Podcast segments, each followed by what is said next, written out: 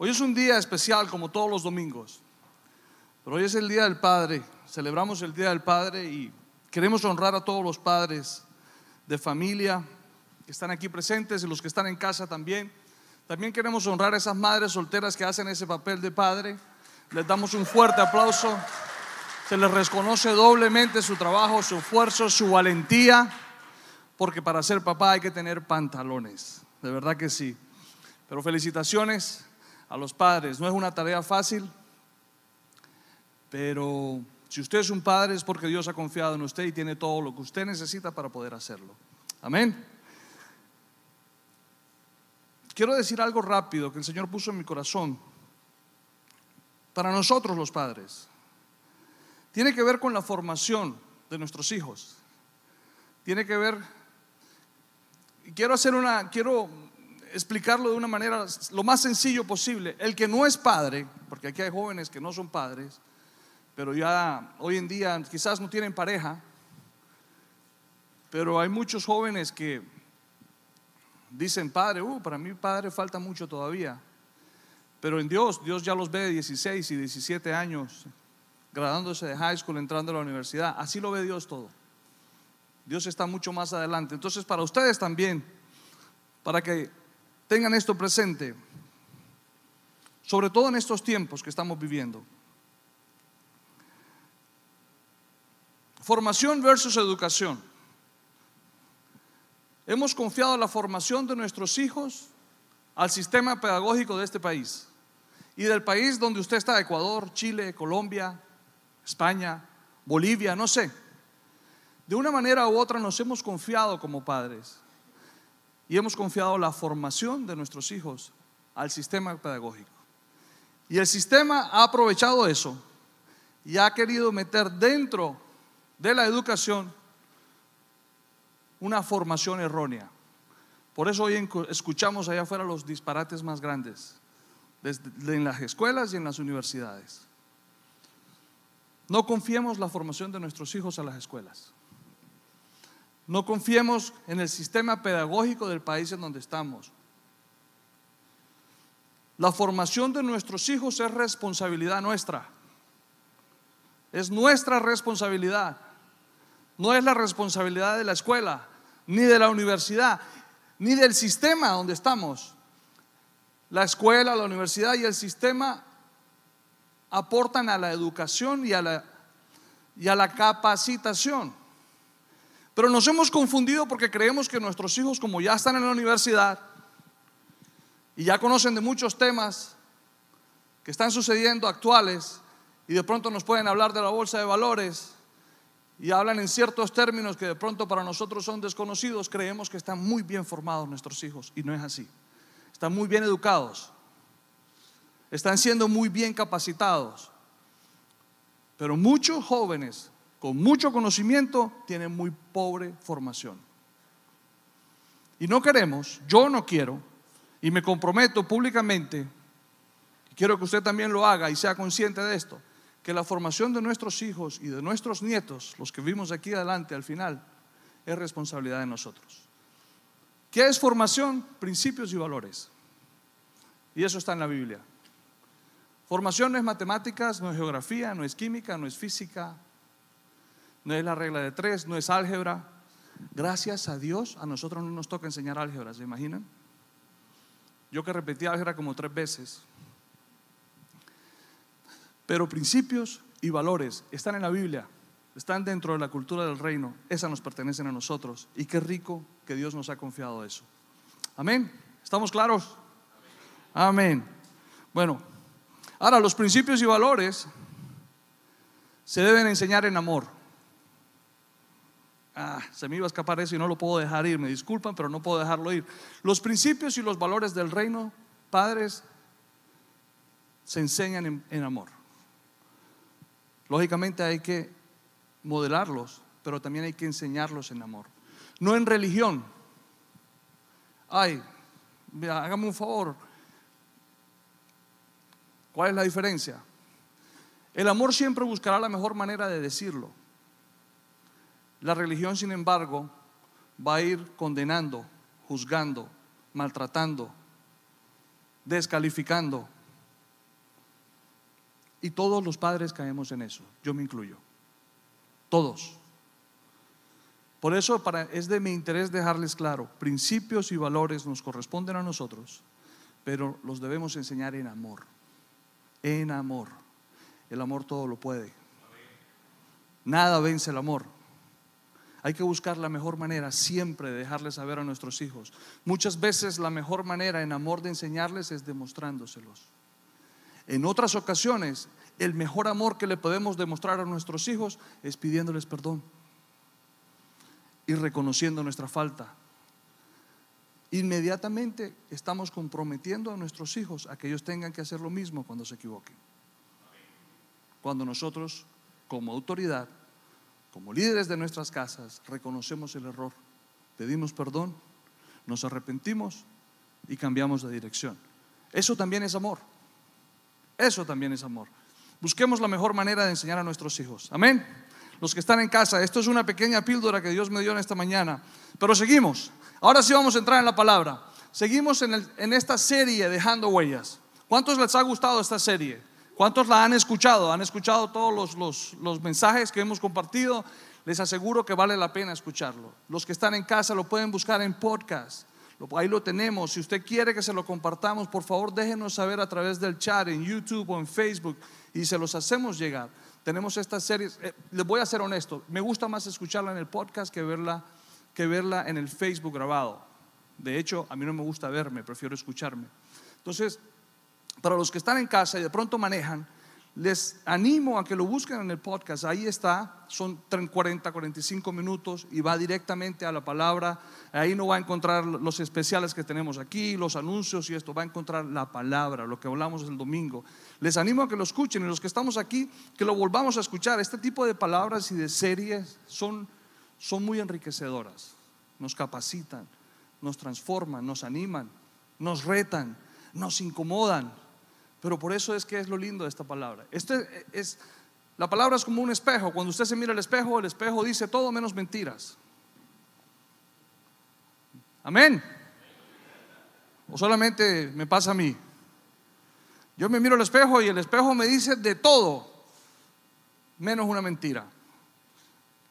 Amén. Los veo muy callados. ¿Qué pasa? Vamos, entremos en esto. Hemos aprendido muchas cosas. Hemos aprendido que todos vamos a dejar huellas. Hemos aprendido que cada momento de nuestras vidas el Señor lo diseñó para acompañarnos, porque nos quiere acompañar en cada uno de ellos. Él, lo escribió, lo diseñó y conformó todos los días nuestros. Pero a su vez Él quiere ser parte de esto.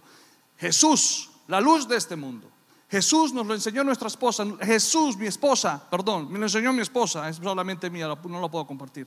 Mi esposa nos enseñó que Jesús la luz de este mundo quiere caminar al lado nuestro. Nos enseñó que no estamos solos. Hemos aprendido que no estamos solos. Que Él quiere caminar junto con nosotros. Quizás usted va caminando en su vida y voltea a la izquierda y voltea a la derecha y de pronto no lo ve a Él. Pero hemos aprendido que si usted se asegura que esté caminando con Él, cuando voltea hacia atrás, se va a dar cuenta que no viene solo. Va a ver sus huellas y también va a ver las huellas de Él. Explíqueme cómo que voy a ver las huellas de Él porque usted va a ver el fruto de caminar con Jesús en su vida.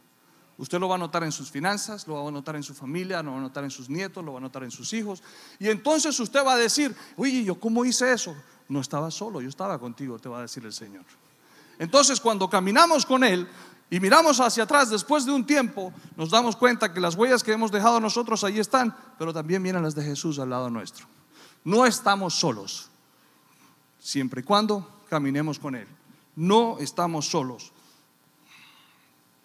Es muy linda esta serie que Dios nos ha dado. Pero ¿qué dice Jesús? Jesús, Jesús dice lo siguiente. Jesús se acercó a sus discípulos, Mateo 28, 18, y dijo lo siguiente, dice, se me ha dado toda autoridad en el cielo y en la tierra. Toda autoridad en el cielo y en la tierra. Por lo tanto, vayan y hagan discípulos de todas las naciones, bautizándolos en el nombre del Padre y del Hijo y del Espíritu Santo. Enseñen a los nuevos discípulos a obedecer los mandatos que les he dado. ¿A quién le hablaba él? A sus discípulos. Y los estaba animando a ir a formar más discípulos. Dejar huellas tiene que ver con multiplicarnos. Dejar huellas tiene que ver, mire, le voy a decir algo. Y le animo a todos los hombres que están aquí. multiplíquese en sus hijos. Multiplíquese en sus hijos. Si usted está en un trabajo y usted le han delegado una labor, una función, y usted no enseña lo que sabe, y usted no comparte lo que Dios le ha dado, se va a quedar solo y se va a marchitar y no va a poder crecer. Pero si usted capacita a una persona que le ponen a su lado, le enseña, le anima, le explica todo lo que usted sabe sin egoísmos, sino con la mejor voluntad de que esta persona se supere y aprenda y ojalá pueda aprender mucho más que usted, usted está abriendo camino para superarse. Y el día de mañana va a llegar la oportunidad, le van a tocar a la puerta y le van a decir, ¿estás listo? Y usted va a decir, sí estoy listo. ¿Y a quién podemos dejar ahí? Y usted va a decir, tengo a fulano y a fulano al lado mío, ellos lo pueden hacer y mejor que yo. Y a usted se le va a presentar otra oportunidad, mucho mejor. Y seguramente que allá arriba, a donde usted vaya, va a encontrar a alguien en donde usted va a poder recoger lo que usted sembró en los que están aquí. También le van a enseñar. Entonces le animo como padre que lo haga de igual manera con sus hijos. Enseñe a sus hijos. Sea honesto con sus hijos. Multipliquémonos en esto. De dejar huella se trata de dejar legado. No pensemos solamente Padres, no nos enredemos pensando solamente en la herencia que vamos a dejar, en los bienes y en el dinero, porque cuando nos ponemos a pensar en eso, juzgamos el rol. Ayer lo hablábamos para los padres que estuvimos reunidos en la mañana.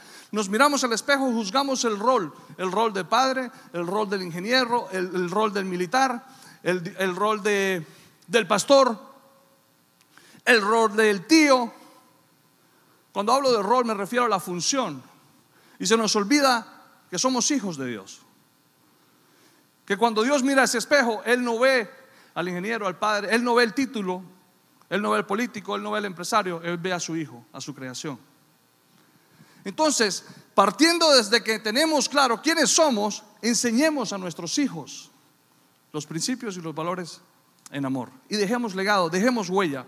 Esto les decía Jesús a sus discípulos. Enseñen a los nuevos discípulos a obedecer todos los mandatos que les he dado y tengan por seguro esto, dos puntos. Tengan por seguro esto y les aseguro, esto es seguro, no falla. Tengan por seguro esto, que estoy con ustedes siempre. Wow. Si nos multiplicamos, el Señor está con nosotros siempre. Estoy con ustedes siempre hasta el fin de los tiempos. Hay una versión que dice hasta el fin del mundo. Si nos preocupamos por dejar legado, si nos preocupamos por enseñar los principios y los valores que Jesús nos ha enseñado, debemos tener por seguro que Él va a estar con nosotros, en nosotros, en medio nuestro, capacitándonos, enseñándonos, guiándonos, corrigiéndonos No el día que lo hagamos bien o el día que lo hagamos mal. Siempre. Está en la palabra. Dice que siempre. Y lo que más me gusta es que dice que hasta el fin de los tiempos. Eso dice la palabra. Ahora, quiero ser honesto con ustedes. No sé hacerlo de otra manera. Aunque sabemos esto, aunque hemos aprendido esto durante los últimos tres fines de semana, este es el cuarto, si no estoy mal, aunque hemos, se nos ha enseñado esto de una manera u otra, nos vamos de aquí el domingo por la tarde y lo tenemos claro, aún tenemos muchos momentos y muchas ocasiones que siguen siendo muy difíciles. Y por consiguiente, se nos vuelven días muy complicados. O eso nada más me pasa a mí. A ver, vamos a hacer una pausa aquí, vamos a conectar con los que están en casa. Les quiero preguntar, ¿les pasa a ustedes también? ¿Tienen días difíciles? ¿Tienen días complicados? ¿Tienen momentos enredados en su vida? Yo los tengo. Todas las semanas. Todas las semanas. Si yo les digo que no lo tengo, porque es que yo soy el pastor, yo soy un mentiroso. Si yo les digo que no, yo no los tengo con todo lo que yo he aprendido en la palabra, ¿cómo los podría yo tener? Sería una mentira muy grande. Y algo quiero asegurarme, es que nosotros salgamos de las estadísticas. Los que están en casa, que pertenecen al remanente, los que no pertenecen al remanente, les animo a que nos salgamos de las estadísticas. ¿Qué dicen las estadísticas? Las estadísticas dicen que la iglesia es el lugar número uno donde más mentiras se dicen. Eso dicen las estadísticas. Porque aquí es todo bien, todo bien, todo bien, como el pibe Valderrama. Pero es mentira. Es mentira. Seamos honestos. Te animo a que seas honesto, que seas honesta contigo mismo, con el Señor. Eso es lo que el Señor busca. ¿Cómo puede el alfarero meter la mano y trabajar en el barro si no se le muestra dónde está el daño? Pero queremos que el alfarero haga el milagro y nos transforme, pero escondemos donde salió la burbujita de aire y se está rajando el barro. Seamos honestos. Vivamos esta vida con honestidad. Yo sigo teniendo momentos difíciles en la semana. Si no, pregúntenle a mi esposa. Claro que sí. Todos los tenemos. Nos seguimos enfrentando a una serie de circunstancias que nos preocupan, que nos cargan, que nos estresan, que nos desesperan, que nos angustian, que nos enredan. ¿Qué más? A ver, alguien que me ayude. ¿Que me pone triste? ¿Que me enfurece? ¿Que me hace perder la paciencia? Circunstancias y situaciones en casa que pasan que me hacen sentir descalificado, desanimado. Gracias, pastor. No estoy solo por este lado, a ver. Eh, estresado. Aquí en el medio, ¿a quién se le está cayendo el pelo aquí en el medio? Se nos cae el pelo y créame que eso no es porque, por el champú ni el jabón. Ni es el agua caliente. Tampoco es el agua caliente. A todos nos pasa. Todos tenemos esos momentos. Uy, me dice, ahora sí me siento mejor. Ya estoy, ya me siento que estoy predicando donde es o compartiendo donde es. En esta semana, mi esposa me manda un texto. Me los manda todos los días, quiero ser honesto con ustedes, pero en uno de estos días estuve mirando más exactamente el día martes. Imagínense, el martes, yo compartí el domingo. Y el día martes en la mañana ella me manda un texto y me pregunta, papi, ¿cómo estás? Yo le contesté a ella, pensando, pensando y pensando con muchas preguntas. El martes, cualquiera diría, oh, ¿quién como el predicador que toma esa palabra y mejor dicho la vive y esto y lo otro? Sí. Esto es vivir la palabra. Vivir la palabra no es que todo huele rico y todo bien y todo está bien y no pasa nada malo. Eso es mentira. Eso solamente pasa en Hollywood. Vivir la palabra es enfrentar las circunstancias allá afuera con la verdad de Cristo en nosotros. Entonces, le digo yo a pensando, pensando y pensando con muchas preguntas. Y muchas de esas preguntas tienen que ver con el título de hoy. De ahí salió el título de hoy. Yo empezaba todas esas preguntas y yo estaba pensando, orando, hablando con Dios y yo decía, Señor, ¿cómo? Señor, ¿cómo? Si a usted le gustan los títulos, ese es el título de la prédica de hoy. Señor, ¿cómo? Señor, ¿cómo hago esto? Señor, ¿cómo termino esto? Señor, ¿cómo arreglo esto? Señor, ¿cómo puedo ayudar a esta persona?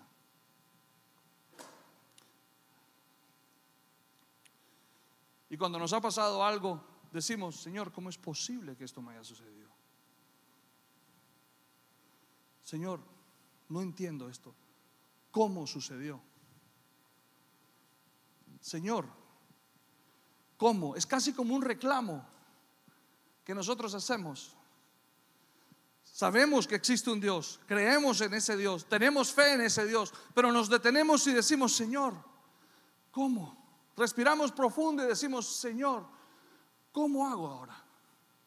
Señor, ¿qué puedo hacer ahora? Señor, ¿cómo? Hablaba con un amigo y le decía a él que a veces nos confundimos en el cómo. Nos enredamos en el cómo. Batallamos con el cómo, porque es que todo lo queremos saber. Y como decía en esta mañana con mi esposa, la mayoría de las veces no necesitamos saber el cómo, necesitamos saber es el dónde. Y para allá vamos. Necesitamos saber es el dónde, no el cómo. ¿Saben cuál fue la respuesta de mi esposa? Una sola palabra. Ahí tengo el texto. Ojalá lo, hubiese podido, con tiempo lo hubiese compartido. La próxima vez lo comparto. Y usted lo puede ver ahí en el texto. Como con tres signos de, exclamación. Como quien dice, me lo gritó.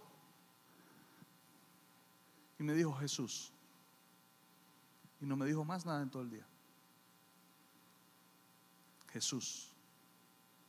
¿Usted sabe qué me enseña a mí la palabra?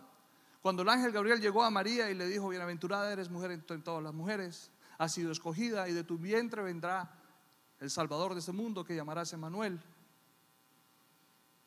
Y ustedes todos aquí conocen la historia, la hemos compartido muchas veces. Lo primero que ella dijo fue, Señor, ¿cómo es posible esto?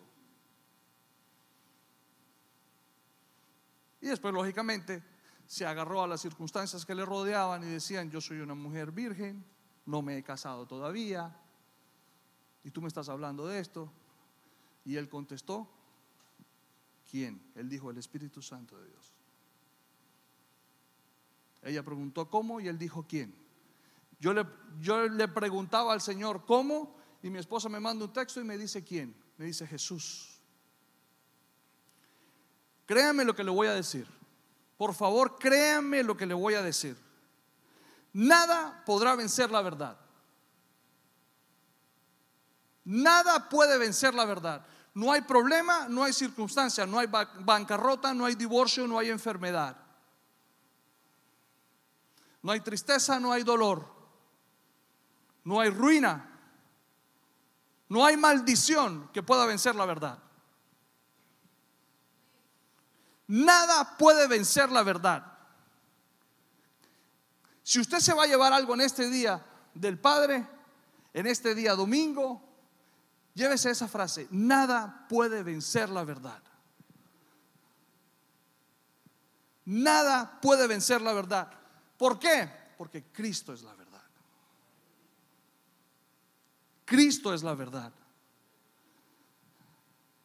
Los que están en casa, si, tú crees en mí y en lo que estamos compartiendo y crees en Cristo, crees que Cristo es la verdad, por favor mándame un, un dedito arriba, porque aquí están muy callados. Quiero por lo menos estar conectados con los que están ahí. Quiero que me, por favor me animes. No me quiero sentir solo, aunque yo sé que no estoy solo. Nada puede vencer la verdad porque Cristo es la verdad. Cristo es tu verdad. Cristo es nuestra verdad. Cristo es nuestra justicia. Nada lo venció, ni la cruz lo detuvo. Nada lo va a vencer. La verdad ha sido diseñada para vencer. No conoce la derrota. Y si en mi vida habita la verdad, entonces ¿por qué yo le pongo mucha más atención y mucho más cuidado a las circunstancias que me rodean y que me incomodan. Cuando en mí habita Cristo, quien es la verdad. A quien nadie ni nada puede vencer. Quiero hacerle una pregunta. ¿Usted cree en Cristo? Amén. ¿Usted cree en Cristo? Vamos a tener que hacerlo por partes para poder participar. ¿Usted cree en Cristo? Amén. ¿Ustedes creen en Cristo? los que estamos aquí y los que están en casa. Yo creo en Cristo. ¿Tú crees en Cristo? Amén. Se me había olvidado esta parte, no, puedo, no se me puede olvidar. Entonces, para los que creemos en Cristo, ¿qué nos dice la palabra? Dice, Jesús le dijo a la gente que creyó en Él. Oh, o sea que estos somos nosotros. Está en Juan 8:31. Jesús le dijo a la gente que creyó en Él, ustedes son verdaderamente mis discípulos si se mantienen fieles a mis enseñanzas. O sea, si confían en mí y obedecen lo que yo les digo. Entonces son mis discípulos. Porque para poder obedecer, para poder caminar con Él, hay que confiar, hay que tener una relación. Pero no puedes confiar y tener una relación si no crees en Cristo. Entonces primero necesitamos creerle. Entonces la palabra dice en Juan 8:31, Jesús le dijo a la gente que creyó en Él, ustedes son verdaderamente mis discípulos si se mantienen fieles a mis enseñanzas. Aquí está, gracias. Ok, vamos al siguiente versículo. Y dice, y conocerán la verdad. Oh, si, me, si creo y me mantengo fiel y vivo sus enseñanzas y confío en Cristo, entonces conoceré la verdad. ¿Y qué dice que hace la verdad? Nos hace libres. Y la verdad nos hará libres. Porque nada puede vencer a la verdad. Vuelvo y lo digo. Estrés, caída del pelo, ansiedad, derrota, frustración, matrimonio, de divorcio, infidelidad. Nada puede vencer a Cristo. Entiéndanlo, entendámoslo. Nada puede vencer a Cristo. No hay nada que puede vencer a la verdad. Y nosotros los que creemos en Él y caminamos con Él y obedecemos sus palabras, entonces vamos a conocer esa verdad de una manera tan profunda que la verdad nos hará libres. ¿Cuántos pueden decir amén?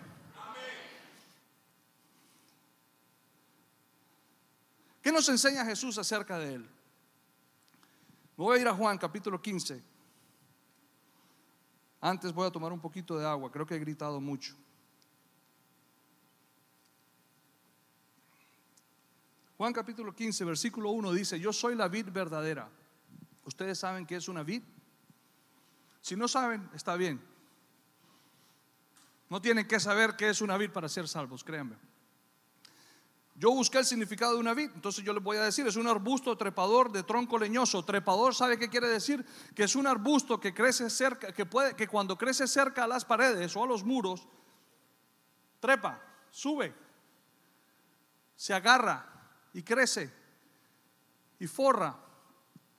Y dice, de tronco leñoso y retorcido, corteza parduzca, ramas abundantes, hojas palmeadas con tres o cinco lóbulos acorazonadas por la base y bordes dentados, acorazonadas. A mi esposa le debe gustar una vid cuando la vea. Flores de color verde, amarillento y fruto. ¿Cuál es el fruto de una vid? La uva. Ese es el fruto de la vid. Es comestible. Y se agrupa en racimos, o frutos se agrupan en racimos. Puede alcanzar hasta 20 metros de altura, imagínense.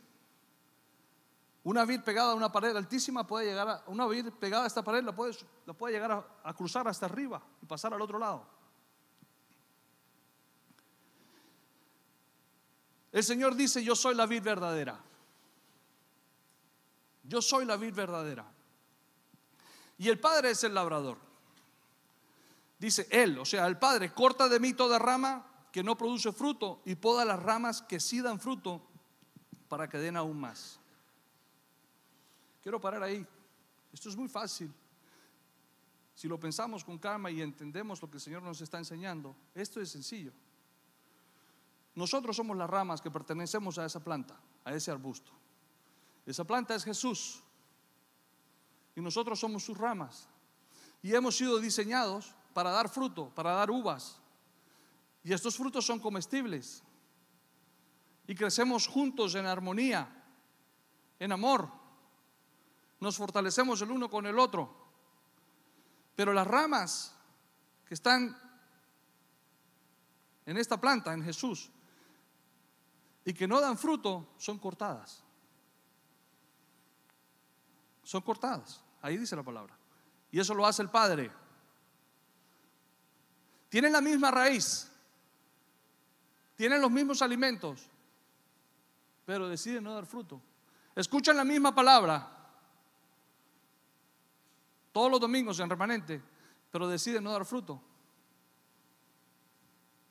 Reciben la misma bendición, el mismo sol, la misma lluvia, el mismo cuidado, pero no dan fruto. Entonces el Padre las corta.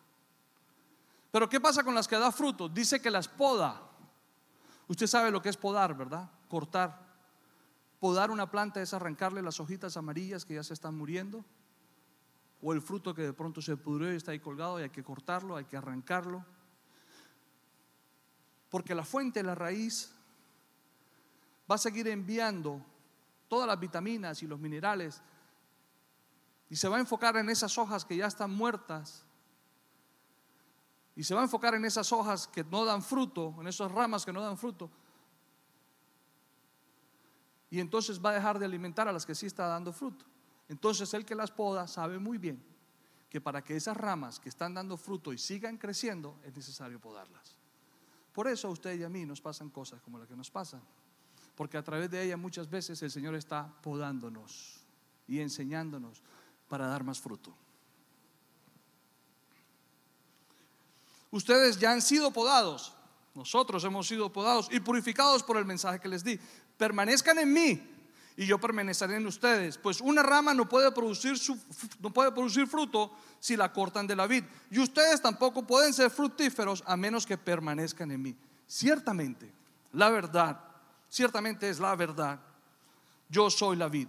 Ustedes son las ramas. Los que permanecen en mí y yo en ellos producirán muchos frutos. ¿Por qué? ¿Por qué si permanecemos en Él vamos a producir muchos frutos? Porque Él va a permanecer en nosotros. Pero ¿por qué? Ahí está la palabra, si me lo colocan por favor, si no yo lo leo, no importa. ¿Por qué? Porque separados de mí, nada podemos hacer. O sea, que para dejar huella con Cristo, tenemos que estar unidos. O sea que para triunfar en cada uno de los momentos, por difíciles que sean, tenemos que vivirlos y caminarlos con Cristo, con Jesús. O sea que Cristo siendo la verdad, a pesar de lo que usted y yo estemos viviendo, caminando con nosotros, la verdad nos va a llevar a ser victoriosos, pero más que victoriosos, porque somos sus hijos. O sea que si yo no puedo hacer nada sin Cristo, la verdad es que en este Evangelio yo no tengo otra opción. No hay otra opción. Cristo es la única opción. Y esto no es propaganda política. Cristo es la única puerta en nuestras vidas que nos va a permitir dejar legado. No hay otra. No son las riquezas, no son las finanzas, no son los negocios, no es la carrera universitaria. Todo eso hace parte de lo que Cristo quiere hacer. Pero el Señor no está interesado, acuérdense en dónde empecé, en el título, en el rol que estás cumpliendo. Él está interesado en su creación, en el Hijo.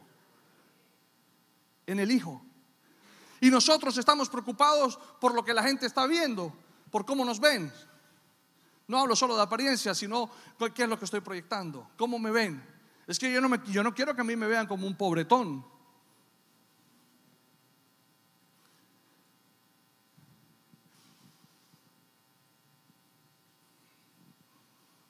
Cristo es la única opción que tenemos para vivir el Evangelio. Si usted no quiere vivir el Evangelio, tiene muchas otras opciones. Y es la decisión suya. Nadie puede, hay que respetarla, nadie la va a poder cambiar si usted decide hacer otra cosa. Pero si usted quiere vivir este Evangelio, Cristo es la única opción. No hay otra opción. Jesús, la verdad, que cuando la conocemos, que cuando intimamos con Él, nos hace completamente libres. Cuando yo pregunto, Señor, ¿cómo? Y Él me responde que separados de Él no podemos hacer nada, me deja saber esto muy claro. ¿Lo entendemos? Yo lo recibo. Ahora, muchas veces queremos y necesitamos recibir dirección. ¿Una hacia dónde? ¿A cuántos les pasa? A ver, a mí me gusta preguntar porque si no se me duermen. ¿A cuántos les pasa que les digan hacia dónde es? Aquí no, todos están bien. ¿A cuánto les pasa que están viviendo algo o han vivido algo y de pronto necesitan saber hacia dónde es? Se te ha presentado algo y tú dices, ¿me meto o no me meto? ¿Lo hago o no lo hago? ¿Será que sí? No, yo mejor me quedo quieto. Y lo puedes dormir y dices, no, lo tengo que hacer. ¿A cuánto les pasa aquí? ¿Hacia dónde es? ¿A los jóvenes que están aquí no les pasa? No, claro que les pasa. ¿Hacia dónde es? Ay, gracias a Dios por el Waze, ¿verdad? Cuando está tapada 66 y nos dice, por aquí, por aquí, cambia, cambia, cambia. Uf, me dijo por dónde es. Ya quisiéramos tener así. ¿Sabes qué? Sí es posible. Claro que es posible. A todos nos pasa y todos necesitamos un hacia dónde. Una respuesta que nos diga por dónde es que es la cosa, hermano. Necesitamos estar claros para ver por dónde es que es el camino. Nos enfrentamos a situaciones internas que no entendemos y le buscamos, pero ¿por dónde me salgo de esta? Que siempre me gana. Cosas que nadie conoce, que tú vives y luchas internamente y le preguntas a Dios, ¿y cómo me salgo de esto? ¿Cómo me libero de esto? ¿Por dónde es? ¿Por dónde es el camino? Pero no la encontramos porque muchas veces estamos completamente nublados. Hay mucha neblina en el camino. Y en la gran mayoría de las veces que no encontramos el cómo, que no encontramos respuestas, que no encontramos la salida, en el camino es porque hemos vivido tanto en el dolor. Póngale cuidado a esto que lo voy a decir. Hemos vivido tanto con esta situación al lado nuestro. Hemos vivido tanto con la decepción. Hemos vivido y nos hemos acostumbrado tanto a la descalificación, a la autocondenación, a la autocompasión al pecado, a la iniquidad, que se nos volvió un estilo de vida. Llevamos años en donde nos hemos venido haciendo la misma pregunta y ya se nos volvió costumbre. Y nos hace daño, pero hemos aprendido a vivir con el dolor. Y Dios no quiere que te conformes. Jesús no quiere que te conformes porque Él es la verdad. Y tú y yo hemos sido diseñados para ser victoriosos, para ser cabeza y no para ser cola. Él es nuestra justicia, Él es tu justicia, Él es tu verdad. Jesús debe ser nuestra pasión. Jesús transforma. Gracias. Si yo dejo que el alfarero toque el barro, lo va a transformar. Ahora, si cada vez que el alfarero va a querer tocar el barro, yo lo corro y lo corro y lo corro, va a ser muy difícil. Puedo estar enfrente de Jesús, puedo estar en la misma habitación con Jesús, pero si el alfarero no puede tocarme, no me va a transformar. Jesús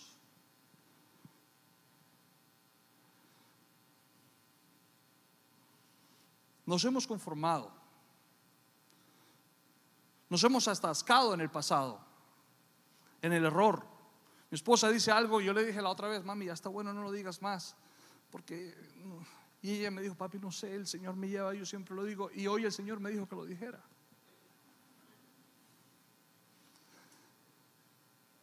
Nos hemos acostumbrado tanto a vivir en el dolor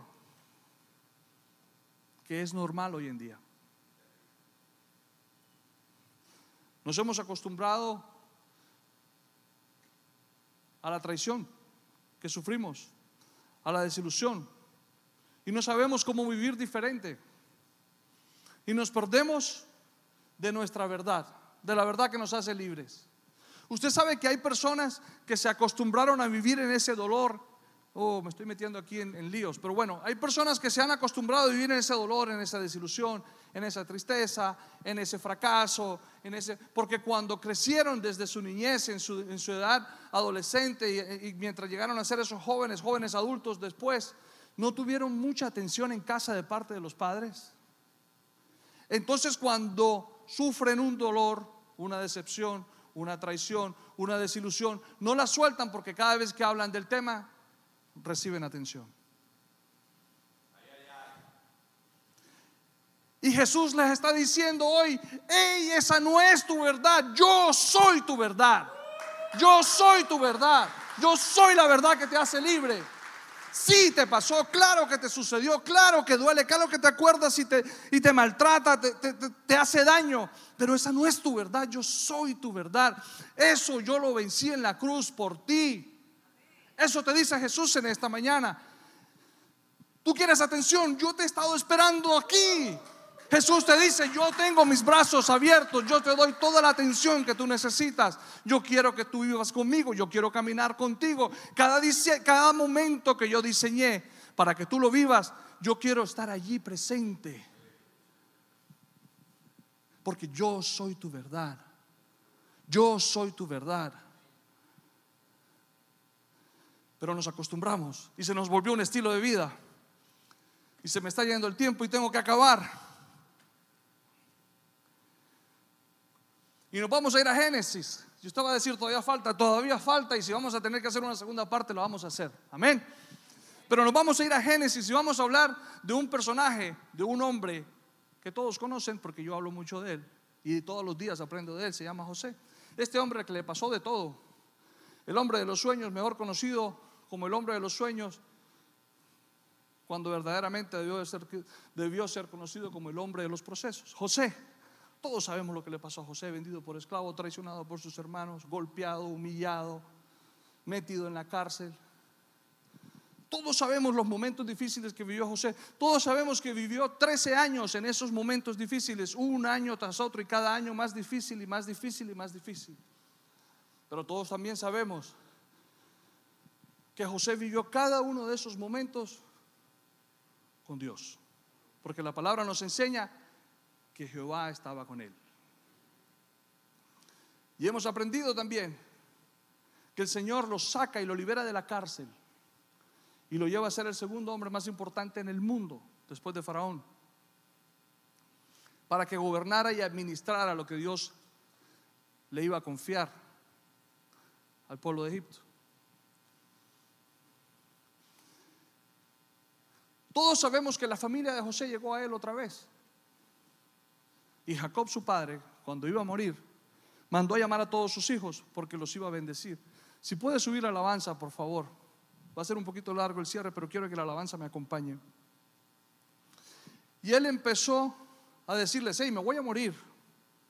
Quiero que sepan que el momento se ha acercado, ya la hora está cerca, pero no quiero irme sin antes bendecirles.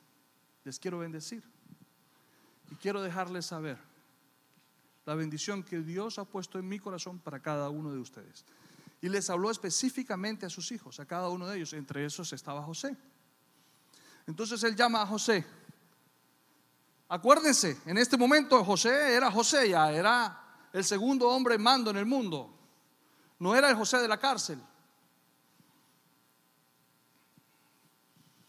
Entonces llega en Génesis 49, 22, si me ayudan lo ponen ahí arriba para que yo lo lea y ustedes lo puedan leer también y los que toman nota puedan, puedan apuntarlo. Génesis 49, 22 al 26, voy a leer rápidamente. Dice, decía Jacob su padre acerca de José, decía, rama fructífera es José. La Reina Valera 1960, lo tengo aquí. Rama fructífera es José, rama fructífera junto a una fuente cuyos vástagos se extienden sobre el muro. ¿Qué leíamos acerca de la, viga, de, la, de vid? Que se extendía y subía por el muro. Esa misma analogía utilizó Jacob. Esa misma palabra le dio Jacob. Dios le dio a Jacob, padre de José, para que José, para que José la recibiera. Lo comparó, lo comparó como la vid. Dice cuyos vástagos se extienden sobre el muro, le causaron amargura, le asatearon, o sea, le lanzaron saetas y le aborrecieron los arqueros. Los arqueros no son los que juegan fútbol, son los que lanzan las flechas. Quiero ser claro con eso. Los arqueros son aquellos que lanzan, yo nunca he lanzado una flecha, creo que es algo así, pero en ese entonces no eran los que disparaban como hoy en día, sino los arqueros. Dice que le lanzaban, porque lo aborrecían mas su arco se mantuvo poderoso. Este es José. Su arco se mantuvo poderoso y los brazos de sus manos se fortalecieron por las manos del fuerte de Jacob, por el nombre del pastor, la roca de Israel. Por el Dios de tu Padre, el cual te ayudará. Por el Dios omnipotente, el cual te bendecirá con bendiciones de los cielos de arriba, con bendiciones del abismo que está abajo, con bendiciones de los pechos y del vientre. Las bendiciones de tu Padre fueron mayores que las bendiciones de mis primogénitos. Hasta el término de los collados eternos serán sobre la cabeza de José y sobre la frente del que fue apartado de entre sus hermanos. ¡Wow! ¡Wow! Nada menos tiene el Señor para nosotros.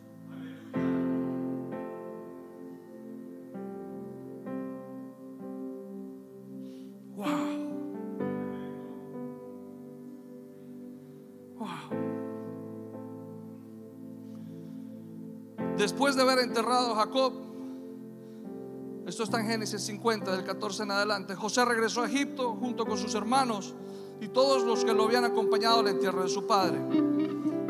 Pero ahora que su padre había muerto, los hermanos de José tuvieron temor. Claro, ya su papá había muerto.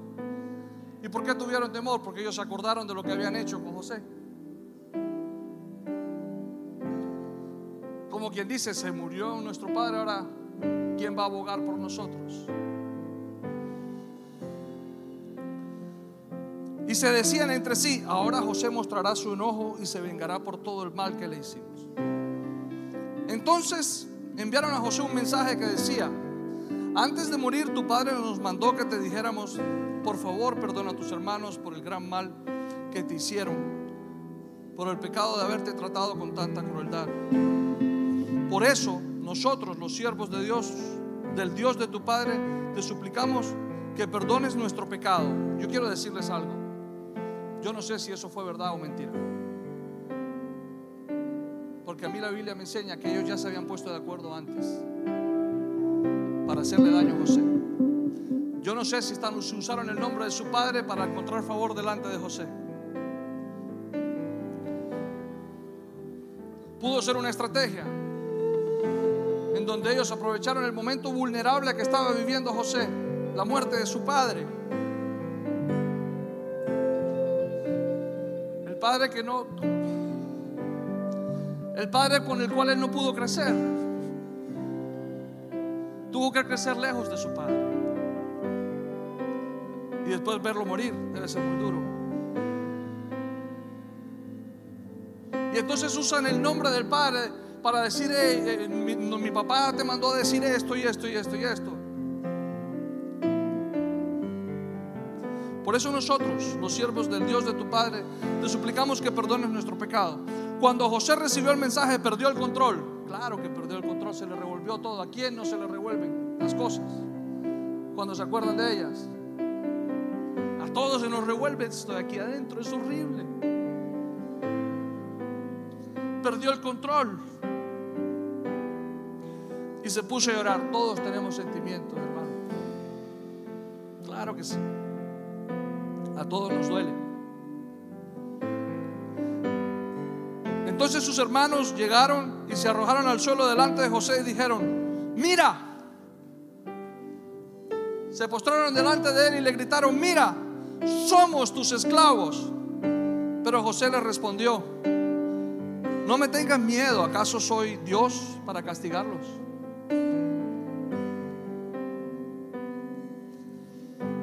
El 20 dice, ustedes se propusieron hacerme mal. Quiero detenerme ahí. A muchos de los que estamos aquí, nos hemos tenido que enfrentar a gente que se han propuesto hacernos el mal. Solo con los que estamos aquí nos tocaría hacer unos 15, 20 domingos más para hablar del mal que nos hicieron.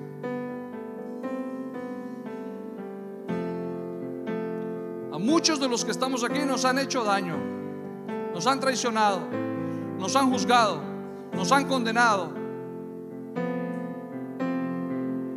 A muchos los han querido matar.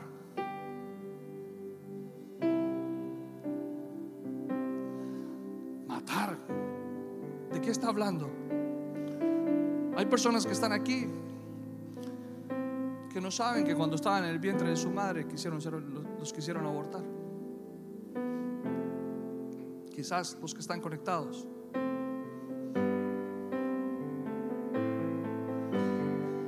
José dice, ustedes se propusieron hacerme mal. Oh, yo me imagino ese corazón de esos hermanos.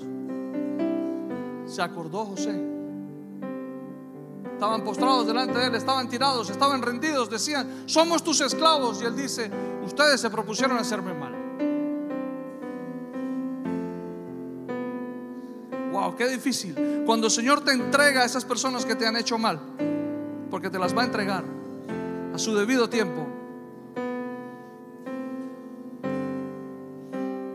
No lo digo yo, lo dice la verdad, lo dice la palabra. La verdad que nada le puede vencer, que nada le puede ganar. Ustedes se propusieron hacerme mal. Ah, pero Dios, Jesús, el alfarero, en su soberanía, dispuso todo para bien. Dios es soberano. Él sabe todo lo bueno que nos ha pasado, pero también todo lo malo. Y cada uno de esos momentos, buenos y malos, son como las notas musicales que estamos escuchando. Cuando escuchamos una sola nota, no producen nada.